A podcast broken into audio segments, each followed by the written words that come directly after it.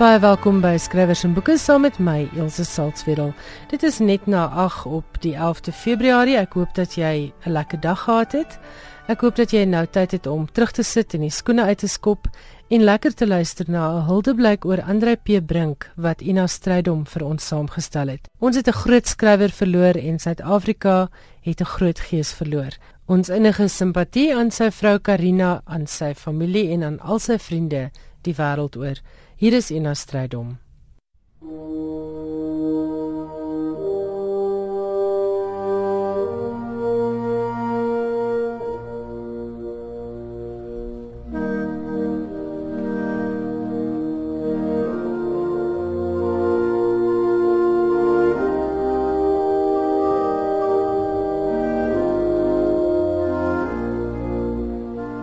Om te weet wie ek is om deur die hoe en hoekom van haar dood myself te definieer om alles op te noem en te probeer vasstel nie wat 'n mens kan weet van die mens nie maar net wat ek durf weet van myself. So begin waarskynlik een van die invloedrykste romans in die Afrikaanse letterkunde kennis van die aand deur Andre P. Brink Ek weet nie of daar 'n spesifieke gebeurtenis was wat dit getrigger het nie. Ek weet net dat ek van baie kleins af geweet het dat wat ek ook al verder sou word, of ek nou treindrywer was waarna ek baie belang gestel het, of 'n huisskilder of wat ook al, ek ook skrywer sou word. Ek het nooit twyfel daaraan gehad nie. Ek het altyd net uh versot gewees op woorde, op op taal. En ek dink miskien omdat my ma van dat ons baie klein was aangedring het dat ons 'n bietjie Engels ook moet leer wat natuurlik in daai klein dorpies amper 'n vreemde taal was. Sodat ons uh, een dag 'n week, in 'n maand veronderstel was om net Engels in die huis te praat. En dan jy 'n swart kruis in jou naam gekry vir elke keer wat jy Afrikaans praat. En een van die minste swart kruise aan die einde van 'n maand gehad het, het dan 'n shilling gekry wat destyds 'n helse klomp geld was. En ons het baie min sakgeld gekry. Ek weet totdat ek hier omtrent in standaard 6 of so was, het ek 2 pennies 'n week gekry. Dit beteken as ek 'n karretjie wou koop wat 'n shilling kos, moes ek 6 weke lank spaar. En natuurlik bleestof.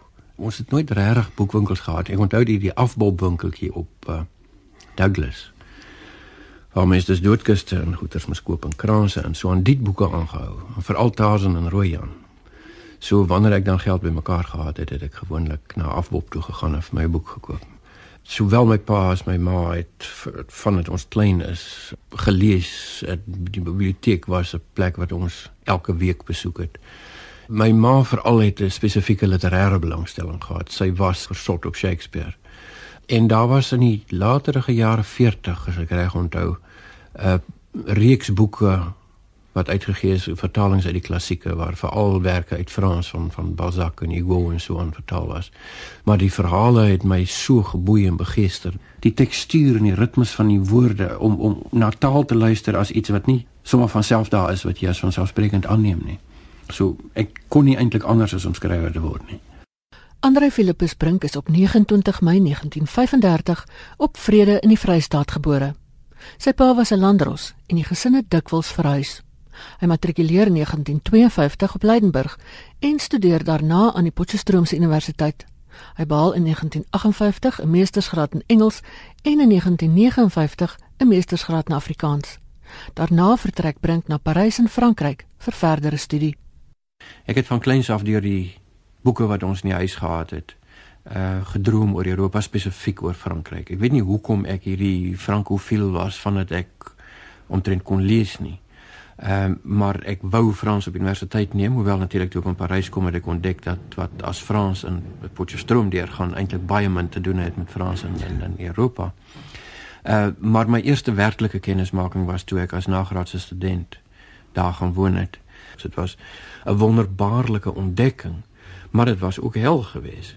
Maar dit was dit was 'n reis wat ek eintlik nodig gehad het om my om my los te maak van Suid-Afrika as ware want ek was so gekondisioneer deur my agtergrond polities sosiaal in alle opsigte dat ek die kans moes kry om weg te breek. En dit was natuurlik waar ek bin die hele 60er beweging is gebore uit jong Afrikaanse skrywers wat skielik in Europa beland het. En en toe moet ek eintlik tot my skande sê skaam geword het vir Suid-Afrika. Want Europa was toe die land van kultuur dis die land van filosofie van letterkunde van alles wat wonderlik is. In Parys was daar talle nuwe ervarings en die blootstelling aan die internasionale kuns- en kultuurwêreld. Maar bring sonder twee gebeure uit as rigtinggewend vir die res van sy lewe. Ek dink dit was daar was twee dinge wat heel vroeg gebeur het net net nadat ons in Parys aangekom het. Die een ding was dat uh, Camus verongeluk het. Ehm um, dit was maar 'n jaar of twee na hy die Nobel gekry het en ek het die man sy werk eintlik op 'n totale pedestaaltjie gesit. Uh, hy was vir my net alles uit alles gesê waaroor ek gewonder en ge, ge, ge, ge, beklei en gedroom en gedink het. En daar's hy toe dood op so 'n sinnelose manier en sy hele werk het altyd gegaan oor sinneloosheid. En die ander ding was Chapel wat vir my op 'n afstand van 10000 km vir die eerste keer en dit is seker skandelik om dit te moet erken, maar vir die eerste keer dat besef het wat daar werklik in daai land kan jy sien 10000 km hier vandaan aangaan en wie daarvoor verantwoordelik is my mense dit was 'n slag soos min ander in my lewe en dit het my eenvoudig gedwing om van vooraf uit die grond uit alles in my lewe oor te dink. Alles wat ek as vanselfsprekend aanvaar het, moes ek afstroop en ek moes weer nuut begin met treetjies in die lewe ingee. Wat pynlik was, maar uiteindelik wonderlik en eintlik basies een van die nodigste, miskien die enkele nodigste ding wat ek in my hele lewe moes doen. En soos dit gekom het was my voorgangers onder die 60ers, Jan en spesifiek ook Bartu, dan reeds tevore daar en Etienne Leroux ook vir 'n korter tydjie. So Parys het sy stempel daar begin afdruk. En dit was dink ek die die ervaring van volkomme vervreemding aan die begin om geworpe te wees in 'n situasie om waar die eksistensialiste oor geskryf het daardie vervreemding van die mens daardie absurditeit van die bestaan daardie gevoel van nooit in te pas nie en altyd outsider te wees. Dit het ek aan my bas gevoel.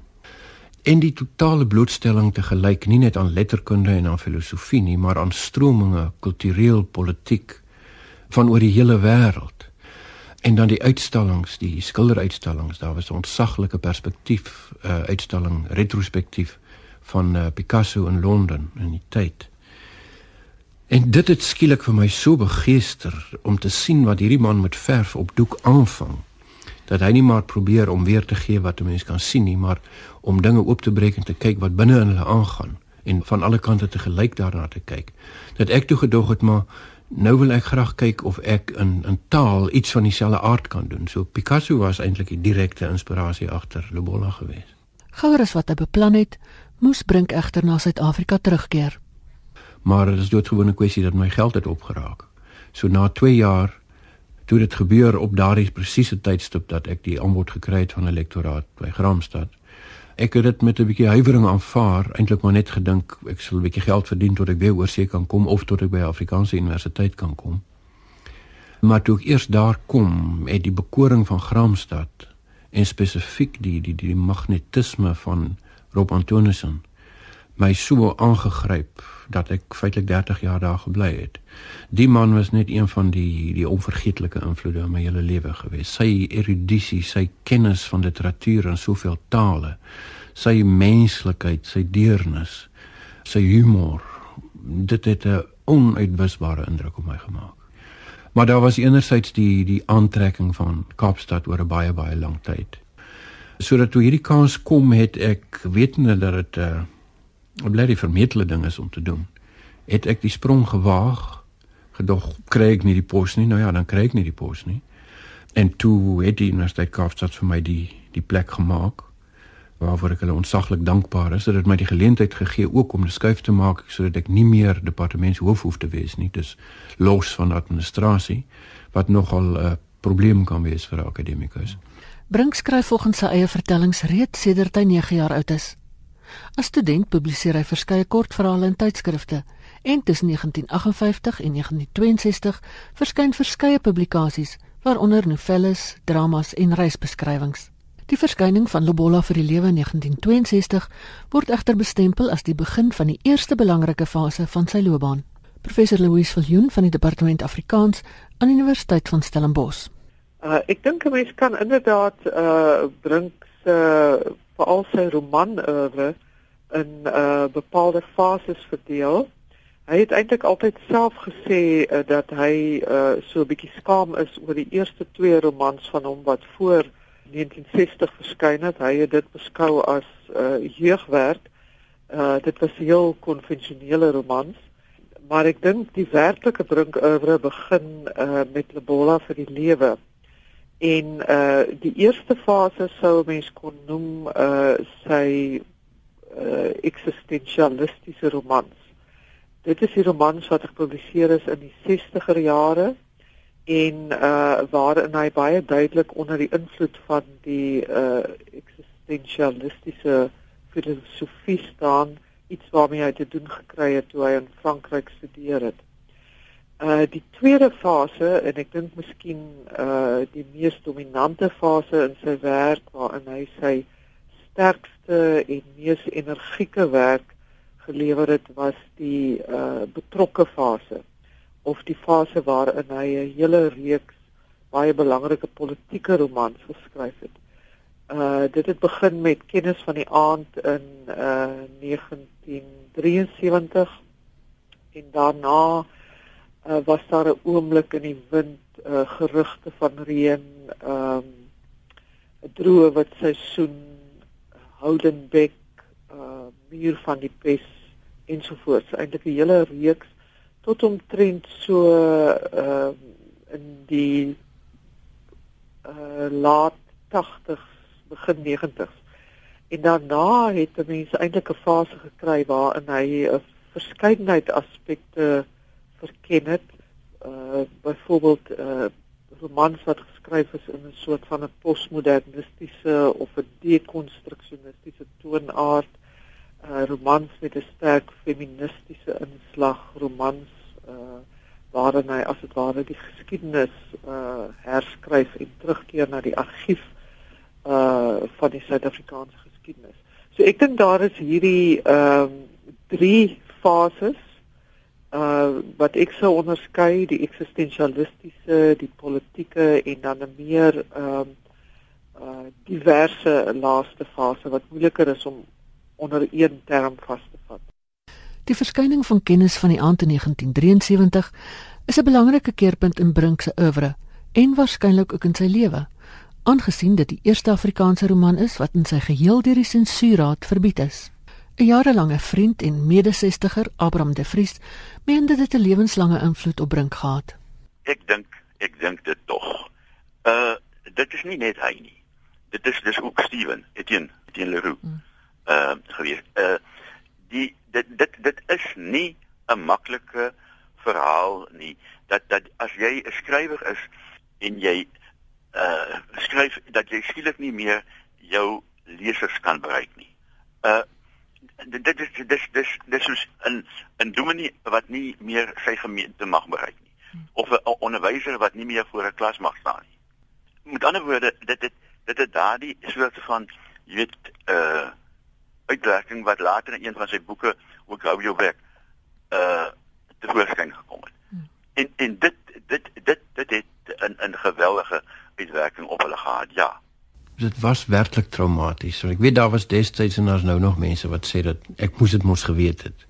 En dan ook die makliker beskuldiging dat ek het dit moes wel gedoen om verbied te word. Wat altyd my vreemde argument was want waarom 'n mens 'n paar jaar uh, kennis het my omtrent 3 jaar se skryfwerk gekos uiteindelik. 'n Paar jaar lank sal gaan sit om te werk aan 'n ding wetende dat dit verbied gaan word en dis nie gelees sal word nie. Dit gaan my te bowe. Maar feit was gewoon dat met al die stryd teen sensuur wat hier in die jare 60 al begin het, gelei veral deur iemand soos Jan Rabie, wat ook een van my geestelike peetvaders was, het ons tog die indruk bly kry dat dit eintlik makliker vir die uh, owerheid was om 'n Engelse boek te verbied.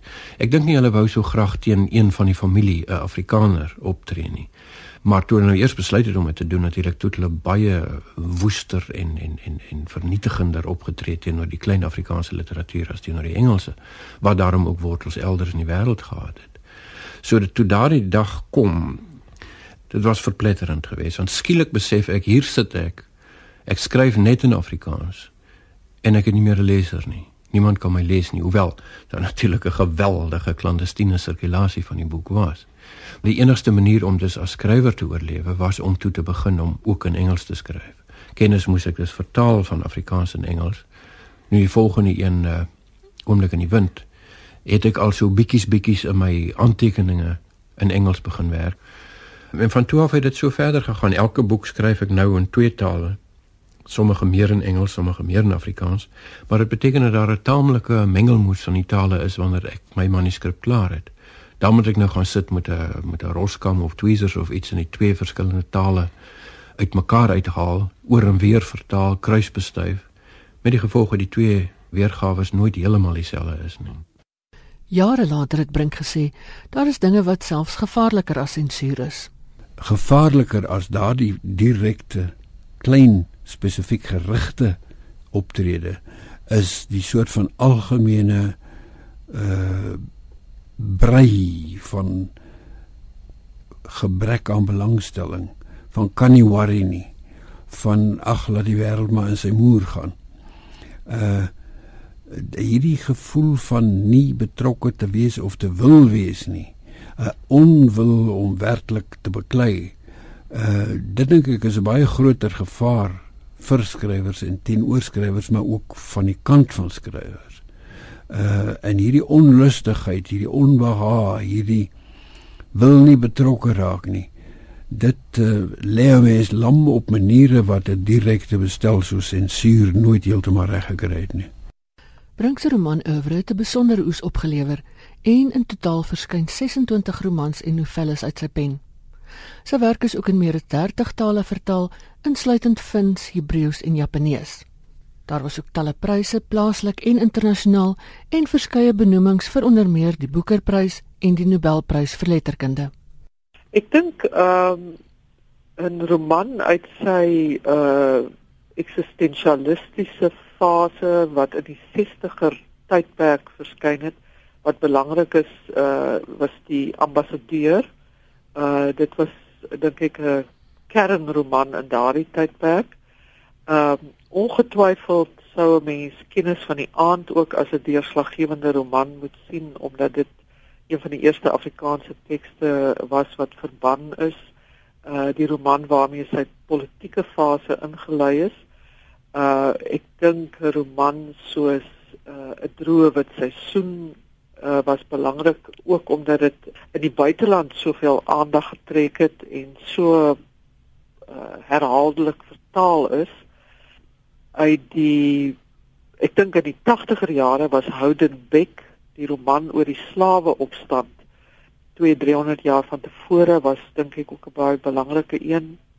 In die 90er jare uh, is my persoonlike gunsteling is eintlik sy roman Inteendeel wat ek dink 'n uh, uh, 'n baie belangrike roman was wat gehandel het oor 'n uh, historiese figuur Etienne Barbier wat vanaf in die vroeë 1700s in die Kaap 'n uh, opstandeling was wat tereggestel is. En uh, dan dink ek 'n uh, roman soos Bidspringkaan wat hier na 2000 gepubliseer is. Uh, ek sou sê dit is wat my betref uh van die hoogtepunte in sy oeuvre. En hoewel sy roman oeuvre die grootste is, het Brink ook onder meer dramas geskryf waarvan talle oor die radio uitgesaai is. Hier volg 'n uittreksel uit Boba's van die Boondoe wat in 1973 verskyn het. U hoor nou die Boba's van die Boondoe deur Andre P Brink.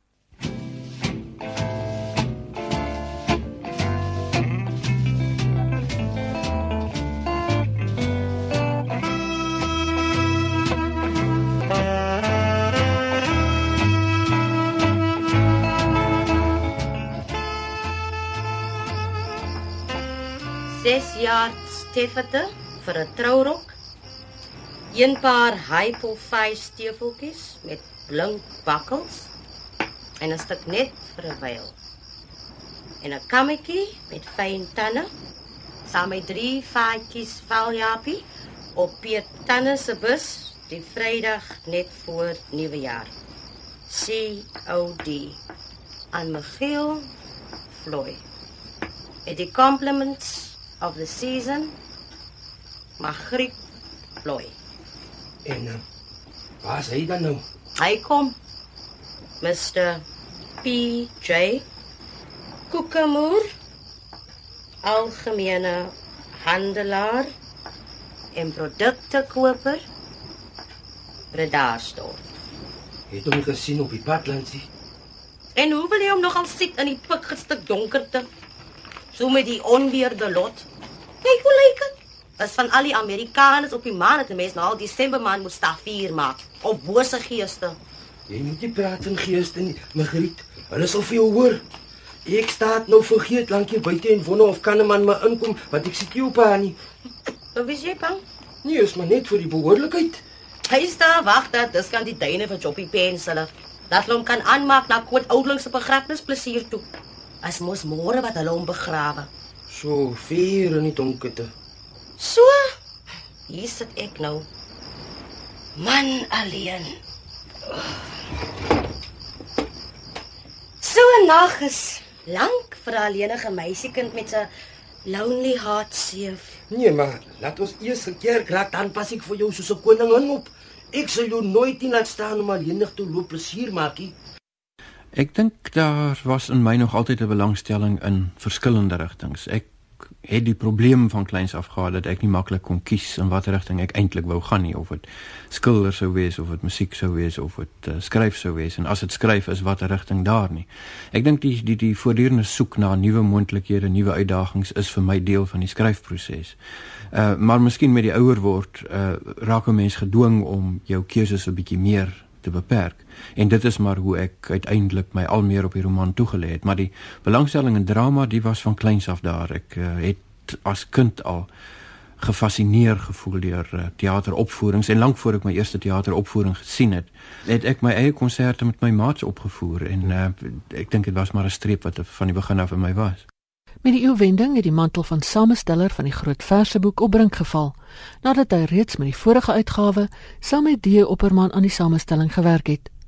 Hy het by geleentheid 'n paragraaf uit die voorwoord van die 2000 uitgawe voorgeles. Agter alle redes en interpretasies, motiverings, verklaringe, is daar uiteindelik net een dryfkrag agter die hele onderneming.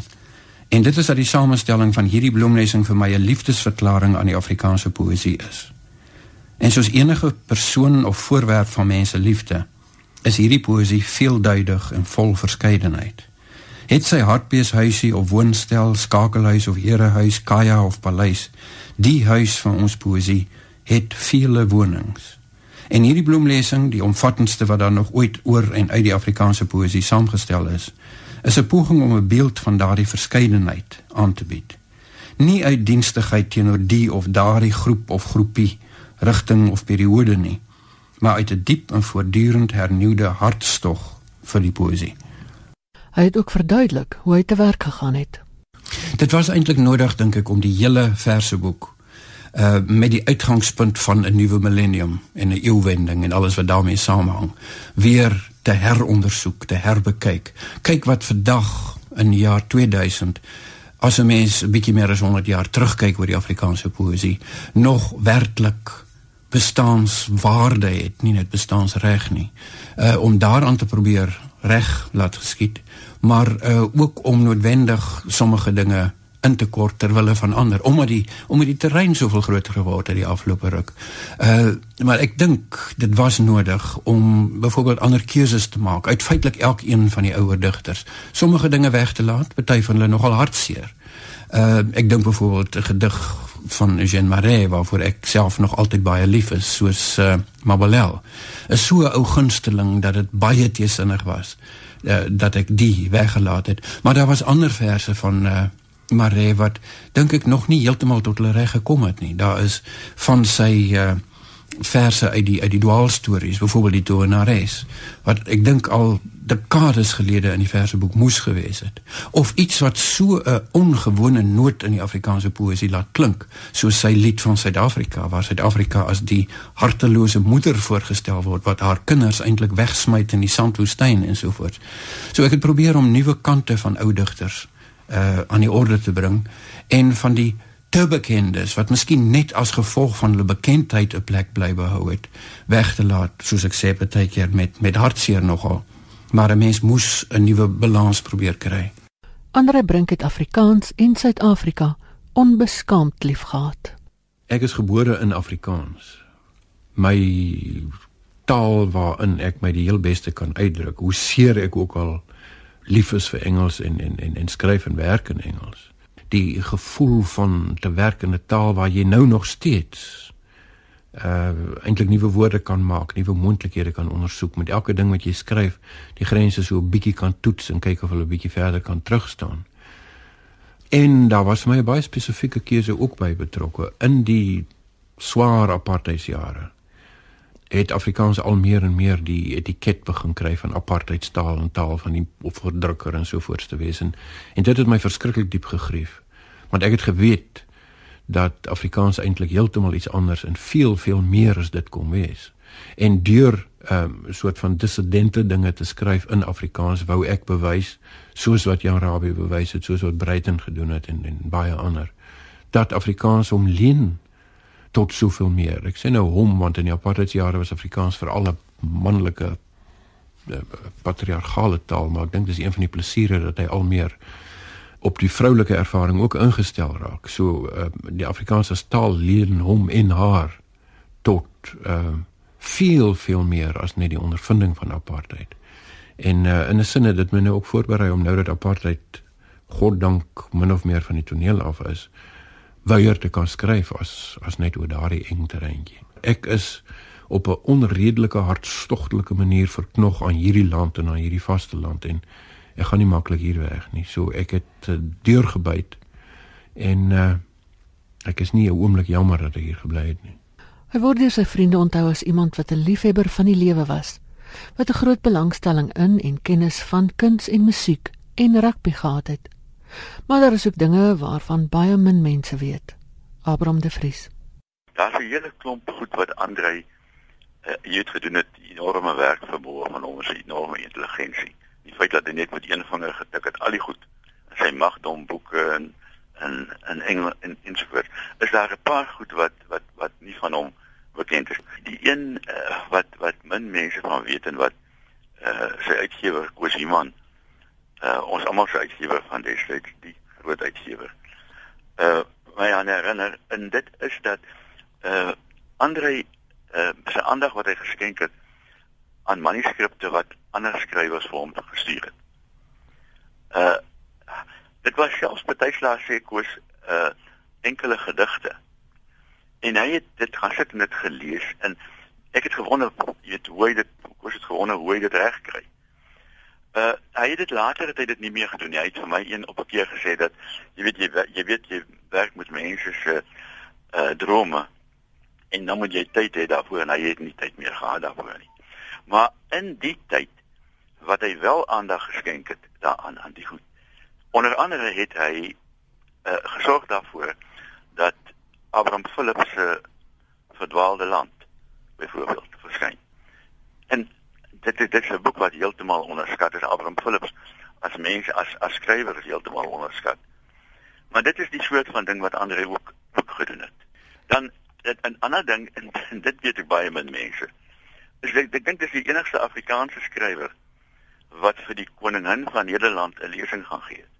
Uh hy wat dit was op uitnodiging hulle waarskynlik was daar ander mense tog ook uh, uh weet nie wie hom uitgenooi het nie. Ehm um, om 'n uh, lesing te gee oor die uh, uh vernuwing in die Afrikaanse letterkunde. Uh in destyds. En hy het dit is gaan doen. Hy weet weet ek het dit toevallig omdat hy op pad was dit gehoor. Maar dan daai soort van ding het Andre nooit hy het nooit daaroor gepraat later uh, daaroor gepraat. Maar hoe sou sy rol en invloed in die Afrikaanse letterkunde beoordeel kon word?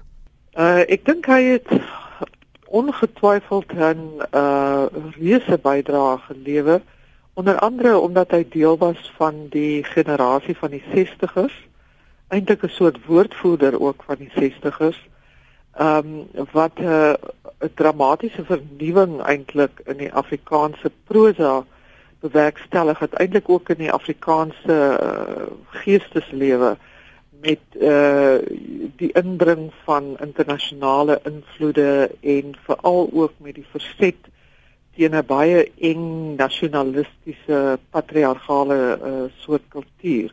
So ek dink in daardie opsig 'n soort van 'n 'n baanbreker, 'n rebel, uh, iemand wat 'n nuwe neigings aangedui het. Hy was ook uh as akademikus uh en litera uh, literatuurteoretikus was hy ook iemand wat vinnig 'n uh, nuwe teoretiese rigtings uh opgetel het en dit begin uh gebruik het in sy akademiese en kritiese werk sodat ek dink hy daar ook 'n 'n groot invloed gehad het. En dan dink ek deur die literêre kritiek wat hy beoefen het. Hy uh was eintlik 'n soort uh kanoniseerder vir die Afrikaanse letterkunde deur die resensies wat hy vir 'n baie lang uh tyd veral met 'n hoogtepunt in die 80er jare uh geskryf het. Um 'n gunstige resensie deur Brink uh dink ek kon 'n skrywer um sy reputasie vestig of miskien uh ook uh vernietig uh indien dit ongunstig was. So ek dink hy het in baie opsigte 'n uh, baie groot rol in die Afrikaanse literêre veld gespeel, maar eintlik ook in die Suid-Afrikaanse literêre veld. Hy was 'n skrywer wat ook die gesig van die Afrikaanse letterkunde en van die Suid-Afrikaanse letterkunde binne die internasionale konteks was vir 'n lang tyd. Andre het die Afrikaanse letterkunde en trouens ook Afrikaans uh, weier dieper en meer menslik gemaak.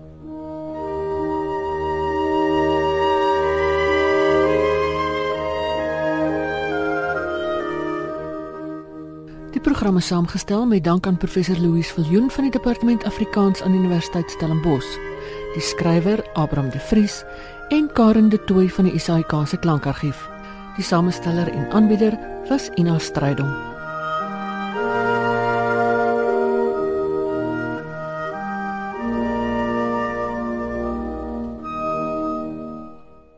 Dan het my kollega Kobus Burger, die hoof van drama hier by RSG, gevra dat ek luisteraars moet herinner daaraan dat ons vanjaar die eerste radioteaterseisoen van 2015 gaan afskop met Lobola vir die lewe, Andre P Brink se groot roman wat in 1962 gepubliseer is. Dis vir die radio verwerk en word op Donderdag 26 Junie om 8uur in radioteater uitgesaai. Die regisseur is Eben Kruiwagen. En Lobola vir die lewe is natuurlik Die eerste roman en dit het reeds verbring in 1962 groot lof ingeoes vir die enorme bydrae wat hy gelewer het tot wat genoem is die vernuwing van die 60.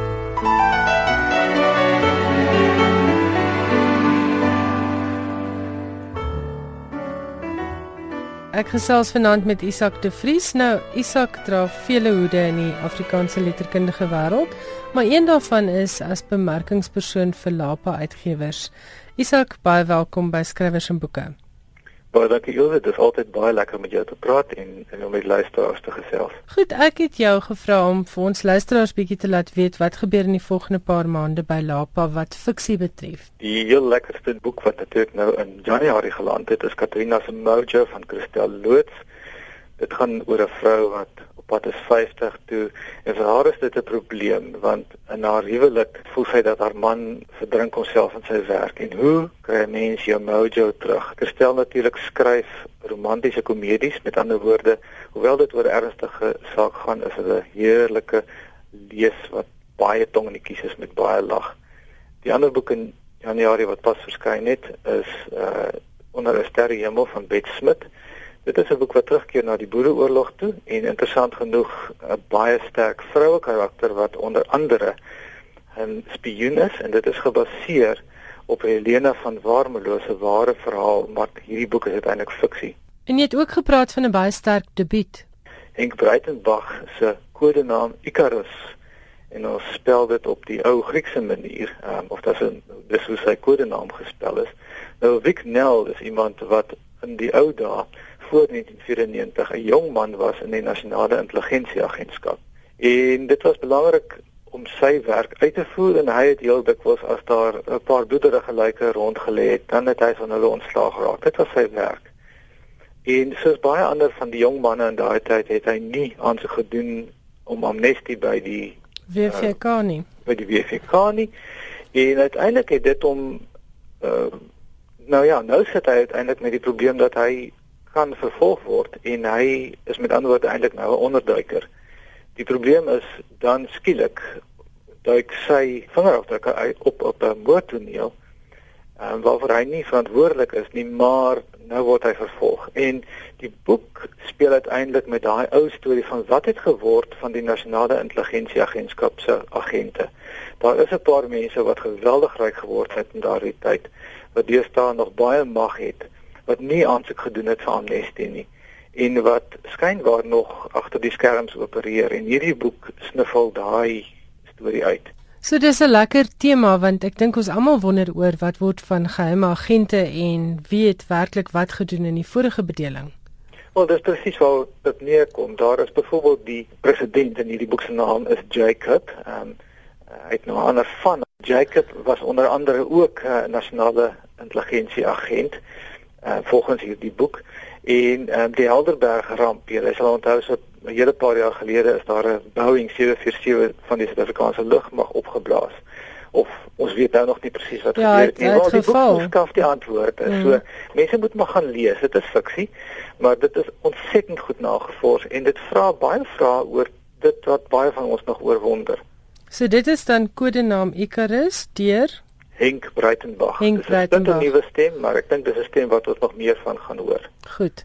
En dit moet nie verwar word met Dion Meyer se nuwe boek Icarus nie. Dis Nee, nee, die, die naam is ook inderdaad anders gespel. Dion se boek word met 'n K gespel op die Afrikaanse manier. Ehm um, Henk Breitenbach se Wignell het die ou klassieke Icarus aangeneem ehm um, tydens sy kodenaam was volgens die klassieke manier gespel so dis kodenaam Icarus korrek ja. Goed. En wat nog? Dis nou Februarie se groot nuus. In Maart is daar 'n groot roman wat weer uitkom. Dit is skuldig van Martin Stein en Martin Stein het verlede jaar opslag gemaak met Donkerspoor uh en dit is sy tweede roman. Dit is weer eens 'n roman wat baie sterk op die polisieprosedure uh werk In hierdie geval is dit nou adjudant Menk wat ons in die vorige boek ontdek het. Um, hy word nou die hoofkarakter hier en nog meer as in die vorige ene verduidelik Martin vir ons stap vir stap wat gebeur op 'n misdaadtoneel. Maar weer eens, dit is 'n boek wat ontsettend fyn met mense speel. Menk se gesin word uiteindelik ook bedreig en Ehm um, dit anders as iemand soos 'n byvoorbeeld Benny Gries waar ons nou net oor Dion gepraat. Ehm uh, Martin probeer glad nie so Dion skryf nie, wat dit natuurlik baie verfrissend maak. Hy het 'n baie groot respek vir Dion want ek dink Dion ons almal weet is die groot groot speler skrywer, maar uh, Martin se speerders is anders. Ehm uh, Menke is 'n is 'n gesinsman. Dis iemand wat min drink en wanneer hy dan die aand byvoorbeeld met 'n bier asem by die huis kom, dan sê sy dogtertjie vir hom: "Maar pappa, hoekom moet groot mense bier drink om met mekaar te kan gesels?" Dit is vir die lesers maar lees. Dit is regtig 'n fenominale insig in menslike uh, kommunikasie. Isak, ek moet met jou saamstem. Ek dink luisteraars wat hou van misdaadfiksie sal beslis Martin se boeke geniet. Ook in Maart verskyn 'n uh, debuutroman Santi van der Merwe, 'n gelyke kans. Dit is 'n liefdesverhaal en mense wat wat daarvan hou nou ja dit is 'n uh, ehm um, dis dis nou 'n lekker leesliefdesverhaal. Dink mense moet dit gewoon maar net lees um, en dit ervaar. In april keer een van ons manne met harde baarde terug. Piet Venter se placenta uh, keer terug. Ek het die ander dag vir Piet gevra of hy nie dink sy oudspeurder tuiskrieg hy deesdae vigilante geword nie. En dit het my gesê ja hy dink dit kan dalk so wees want julle sal onthou dat eh uh, Tuiskrieg het bedank uit die polisie mag uit en hy is nou in die vierde roman rondom Tuis wat verskyn. Ehm um, ondersoek hy nou weer die dood van sy eie suster en Piet sê vir my die rede hoekom hy Tuis laat bedank het is juist omdat daar binne die polisie mag wel mense is wat wat moet uitklim en hulle eie ding doen. En hy ondersoek nou weer daai aspek van die polisie mag hoewel hy 'n geweldige groot bewondering het vir die polisie mag en hoewel daar nog steeds binne sy boeke 'n baie sterk samewerking is tussen tuis en die polisie, het hy dit nodig gevind om sy karakter te laat uitklim. En nou ja, dis die vierde boek. Ehm um, as jy mense wil weet wat geword het van uh die moordenaars van Robin Arendse, onthou sy is in die vorige boek. Die laaste boek. Ja.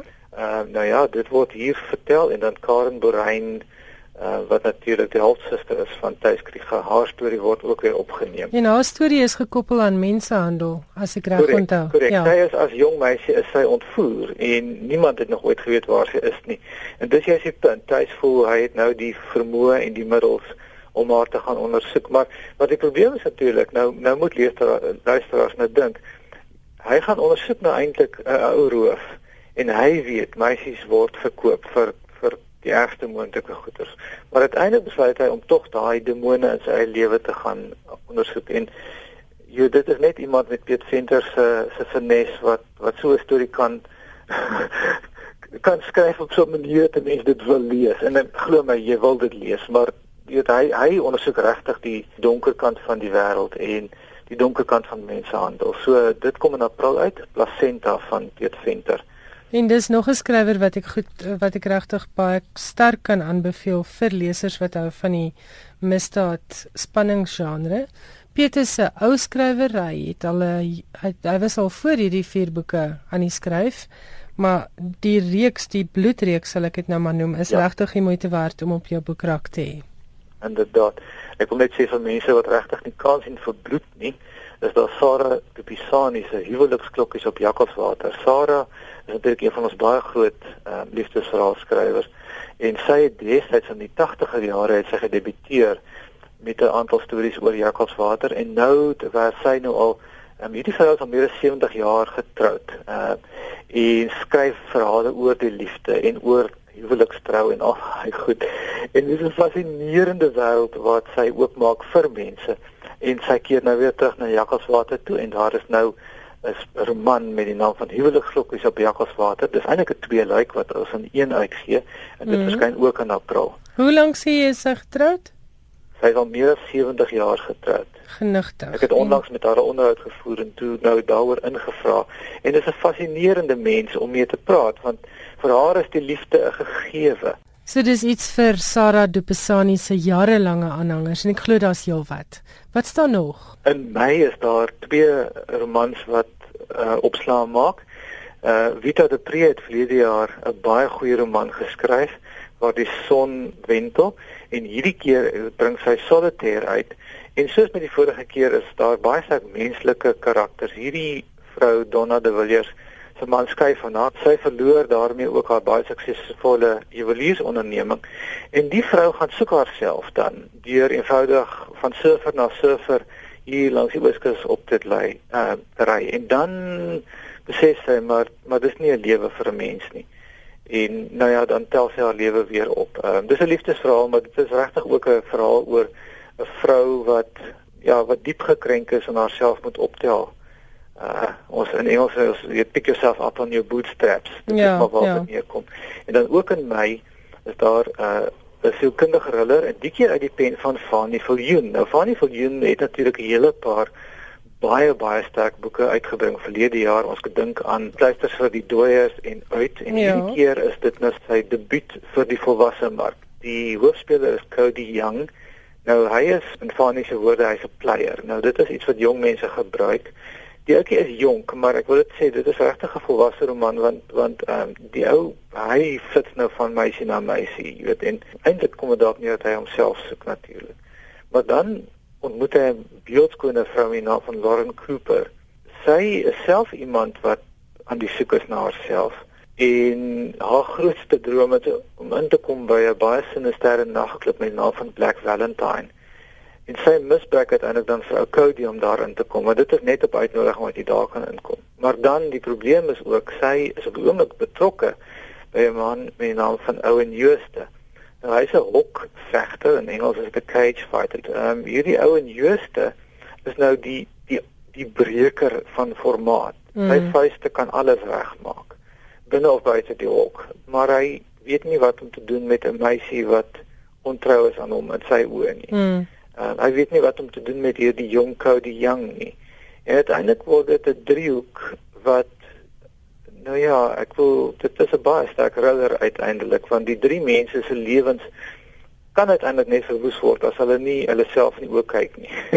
en dit is wat wat die boek so interessant maak. En hierdie ene jong mense sou dit kan lees, maar ons bemark hom spesifiek in die volwasse mark want dit is definitief al volwasse temas wat hy aanspreek en en dit is ouer mense wat hy hier betrek. Dan wil ek graag net nog afsluit met twee boeke wat ons in Junie uitgee. Ja. Uh Monstershaat van Madeleine Rust. Sy het hierdie jaar die 13de kaart mee gedebuteer. Dit was net so lekker sterk debuut, né? Korrek, dit was baie sterk debuut en haar tweede boek uh, Monstershaat verskyn nou weer en van die spelers in 13de kaart uh kom weer na vore. En dan het ek 'n baie lekker boek wat ek graag wil uitlig. Sonde of suiker van Dina Botha. Nou Dina Botha is natuurlik bekend as 'n romanse skrywer.